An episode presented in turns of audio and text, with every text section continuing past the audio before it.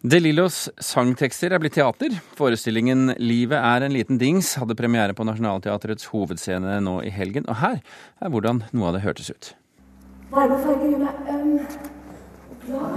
Får meg til å forstå at, at døden er bra. Og at høsten kommer, det er jo noe vi alle kan stole på. Den er jo ikke som våren, som kommer og går uten at man forstår. Jeg er tilbake i min egen seng. Den er smal. Det er bare plass én. Og du lurer på om du egentlig lever? Du lurer på om det er kjøpt? Karen Frøsland Nystøl, scenekunstkritiker her i P2. Du var på premieren lørdag. Hvordan er De Lillos som teater? Ja, Det kommer nesten an på hvordan du definerer teater. Ikke helt teater, med andre ord? Jau. Det, er, det er musikkteater i et ganske stort format. Men Innimellom så syns jeg at det tenderer til å bli en, en kavalkade, en, en, konsert. Vi er innom 126 De Lillos-tekster i løpet av tre timer. Det er, det er veldig mye. Der er sju skuespillere på scenen, og selvfølgelig De Lillos sjøl. Men etter hvert og det er jo det som gjør det til teater. Etter hvert så dukker det opp noen tråder, noen sammenhenger, noen historier som man kan følge. Og så mener jo jeg at det er det språkløse som er med på å gjøre dette til god scenekunst. Dette må du forklare nærmere. Altså det, når De Lillo står på scenen, når det synges så mange De Lillo-sanger, så må det være en forskjell fra en ren konsertopplevelse. Og forskjellen er jo at uh, låtene tolkes av, stort sett da, av skuespillerne. Um, som vi hørte her, så er det en del replikker på rim òg. Det det vil jeg si er de svakeste delene av forestillinga, men, men, det er nå så. Eh, det som gjør det til en eh, til forskjell fra en konsert, det er nettopp eh, i denne sammenhengen her scenografien. lys og ikke minst skyggevirkning. Vi slipper alt dette her.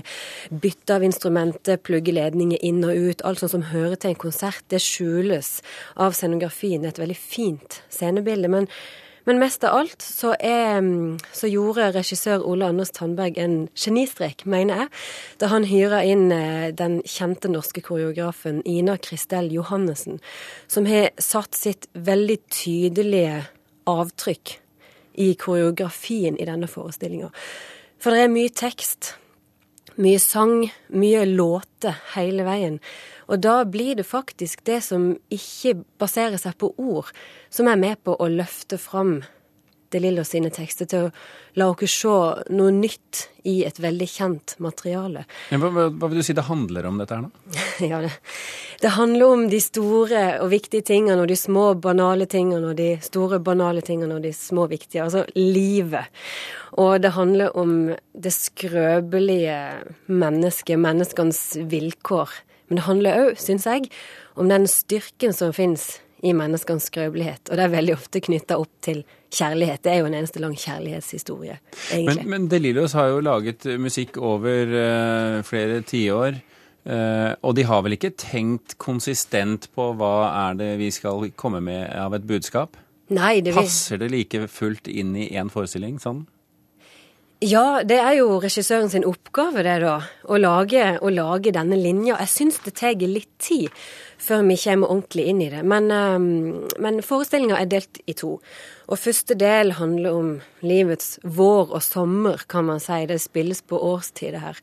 Eh, forelskelse og parkonstellasjoner og alt som hører med til den glade, unge sida av livet. Eh, etter pausen så er, så er det høst da komme vinteren og livets første snøfall, og døden blir veldig tydelig. Døden er vel en sånn underliggende tematikk, egentlig, hele veien hos De Lillos. Det alvoret har de jo med seg i, inn i alle tekstene sine på en eller annen måte. Totalt så blir det en sånn livslinje, kan man kanskje si. En litt lang livslinje. Vi snakker i forestilling som varer tre timer, nesten. Og de kunne nok med fordel ha stramma det litt inn og kutta det litt ned. Men samtidig så gir de òg mye rom for skuespillerens tolkninger og bevegelsesmønstrenes og scenografiens tolkninger av, av teksten, altså samspillet da mellom skuespillere, scenografi og lys. For det må jo være en utfordring for en skuespiller å spille på scenen noe som er ment som en sangtekst? Ja, og særlig det da når du skal snakke det, hvis det går på rim, det som jeg nevnte, det, det er ikke det mest vellykka, den mest vellykka sida ved, ved forestillinga. Men hvordan klarer de seg, da? De klarer seg fint. De synger bra, de sju skuespillerne som er med. Og de er veldig tydelige på at de gjør låtene til sine egne.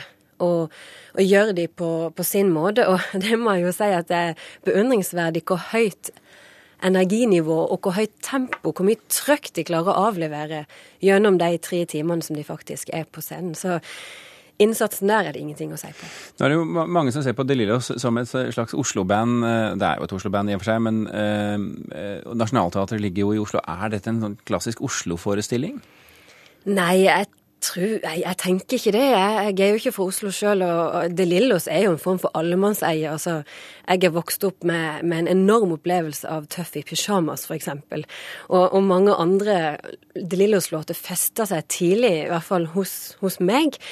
Og eh, for meg så er det en kjempeopplevelse å se eh, skuespiller Ole Johan Skjelbred avlevere en helt super tolkning av nettopp Tøff i pysjamas. Så det Nei, eh, dette her, dette her kunne like godt vært Det kunne vært overalt. Det er, og, og, tematikken er såpass universell at selv om vi synger 'Stakkars Oslo', så, så gjelder det mer enn bare hovedstaden. Det ryktes også om at det var relativt god stemning under låta 'Kokken Tor'? ja. ja da, det, da, da, det var jo avslutningsnummeret, da. Da sto det i taket, selvfølgelig. Det var jo Le Grand Finale. Men det, ja, og det var moro, klart det. Og det blir Le Grand Finale også på denne anmeldelsen. Karen Frøsand Nystøl, tusen hjertelig takk for at du kunne komme til Kulturnytt.